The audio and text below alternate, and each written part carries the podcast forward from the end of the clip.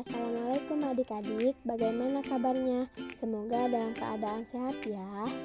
Nah, sekarang kita akan belajar lagi bersama Kak Sopi mengenai pembahasan yang keempat, yaitu macam-macam gangguan pada organ.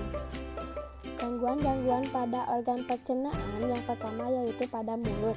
Penyakit yang menyerang mulut akan mengganggu proses pencernaan yang terjadi di dalamnya. Tanpa adanya proses mengunyah yang baik, organ-organ lain harus bekerja ekstra keras karena makanan yang mereka terima belum dihancurkan secara maksimal. Berikut adalah beberapa penyakit yang bisa menyerang mulut. Yang pertama yaitu sariawan.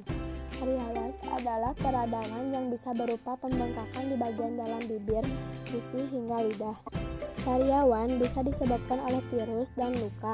Selain luka karena tergigit, sariawan juga bisa muncul akibat penggunaan obat kumur yang mengandung bahan-bahan pengering seperti gliserin dan alkohol. Yang kedua yaitu karies gigi. Karies gigi merupakan sebuah kondisi rusaknya struktur dan lapisan gigi yang terjadi secara bertahap. Kerusakan diawali dengan terkikisnya lapisan terluar yang dimiliki gigi. Kerusakan kemudian menggerogoti dentin atau lapisan tengah gigi dan pada akhirnya mencapai sementum alias akar gigi. Akibat yang ditimbulkan salah satunya adalah munculnya lubang pada gigi. Jika kerusakan ini tidak ditangani, ada kemungkinan gigi tersebut tidak dapat tertolong sehingga harus dicabut. Yang selanjutnya yaitu abses gigi. Kondisi ini menimbulkan adanya nanah yang berada di gusi atau sekitar akar gusi. Abses gigi disebabkan oleh infeksi bakteri. Bakteri tersebut bisa muncul akibat kurangnya kebersihan dalam mulut, mulut yang kering, serta konsumsi makanan manis. Yang selanjutnya pada organ kerongkongan. Salah satu penyakit yang umum terjadi pada kerongkongan adalah esofagitis.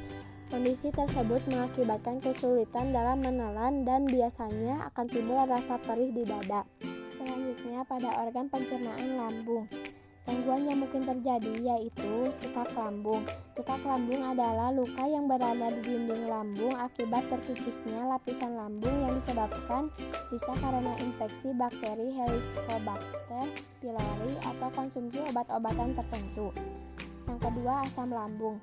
Penyakit ini disebabkan oleh melemahnya otot-otot lower esophageal sphincter atau LES.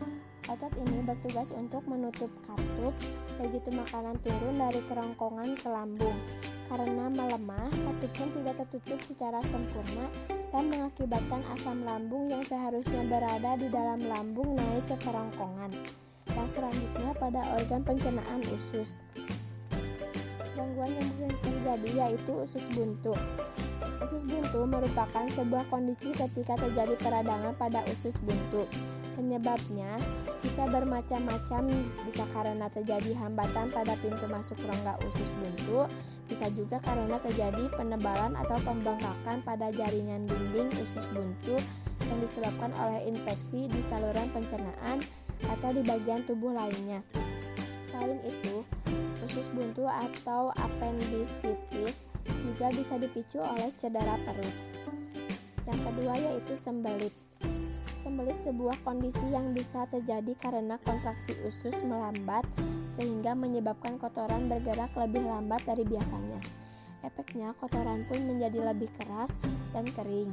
Selain karena asupan makanan yang kurang serat, sembelit juga bisa dipicu oleh kurangnya aktivitas yang dilakukan atau terlalu banyak duduk. Yang ketiga yaitu wasir. Pasir adalah kondisi pembengkakan atau pembesaran pembuluh darah yang ada di usus besar bagian akhir, serta bisa juga terjadi di dubur atau anus. Selain disebabkan oleh sembelit berkepanjangan, pasir juga dapat dipicu oleh diare yang berlangsung dalam waktu lama.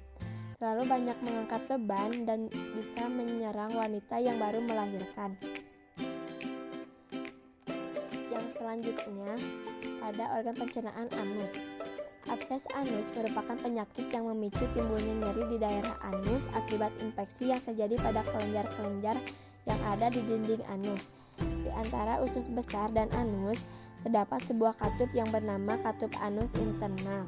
Katup ini berfungsi untuk mencegah infeksi dari rongga usus ke jaringan di sekitaran anus, perianal, Masalahnya, jika infeksi yang terjadi di usus berhasil menembus katup ini, penyebaran infeksi dapat mencapai jaringan perianal dan menyebabkan abses anus.